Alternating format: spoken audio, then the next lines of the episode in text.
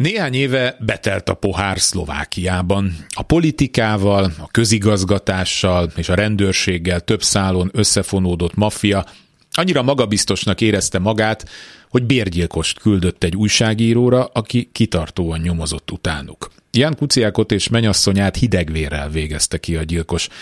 A fiatal oknyomozó egyre közelebb került Robert Fico pártjához, ahogy főleg adócsalásokat tárt fel. A történtek megrázták az országot. A megrendelő egy ismert úgynevezett vállalkozó volt, de ő csak adócsalásért ül jelenleg is. A nyomozás során felmerült, hogy ügyészeket is likvidálni akar, de ezt sem tudták rá bizonyítani.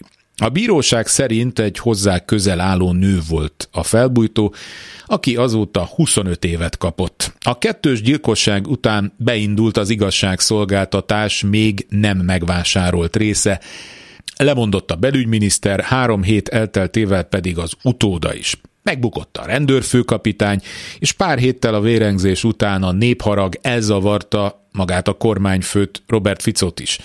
Pártársa ült át a székbe, 2020-ban pedig a Smer elbukott a választáson, korábbi koalíciós partnerei még a parlamentből is kiestek. Jött a szlovák hatházi Ákos Igor Matovics, aki a semmiből építette fel a győztes pártot, majd összeállt egy színes koalíció. Nem szerették egymást. Ez nem lett volna akkora gond, de még neki sem tudtak állni a rendrakásnak, amikor beütött a Covid. Ott álltak a válsággal egyre inkább egymást marva. Matovics miniszterelnöksége ráment a belső harcra és a túltolt össze-vissza járványintézkedésekre. Aztán elvérzett az utódja is, pár hónapja már ügyvezető kormánya van északi szomszédunknak, előrehozott választás volt szombaton. A felmérések már egy ideje azt mutatták, hogy a teljesen leírt, feketeöves, populista, büntető eljárások által fenyegetett Ficó csillaga újra emelkedik. Kiváló érzékkel kapta el az új trendet, migráció, háború, gender.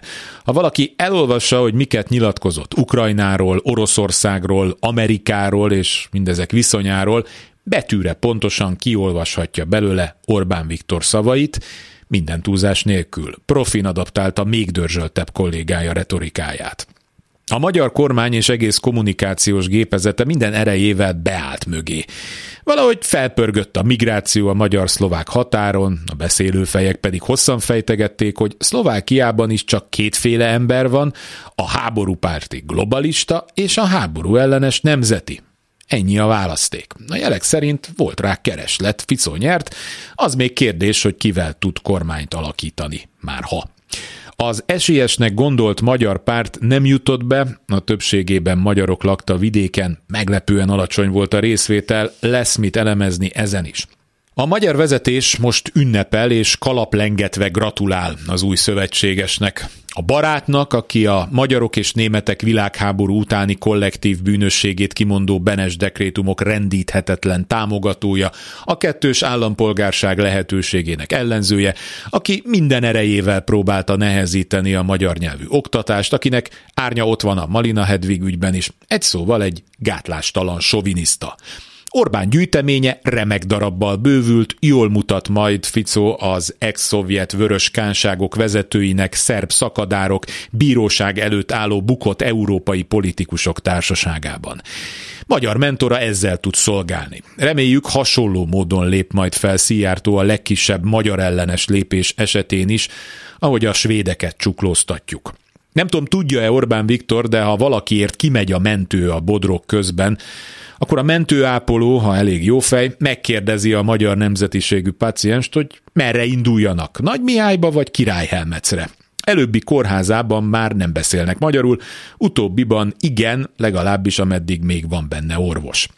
Ez azért nem mindegy, mert ha valaki nem tud elég jól szlovákul, azzal általában nem bánnak valami kedvesen, ami kiszolgáltatott állapotban különösen rossz. Szóval a beiktatás után neki lehet ülni a felvédéki magyarok helyzetét javító intézkedések listájának a karmelitában, és mielőbb elküldeni Pozsonyba. Egyfajta számlaként. Várom. Kárpáti Iván vagyok, ez az Esti Gyors, a hírek után kezdünk.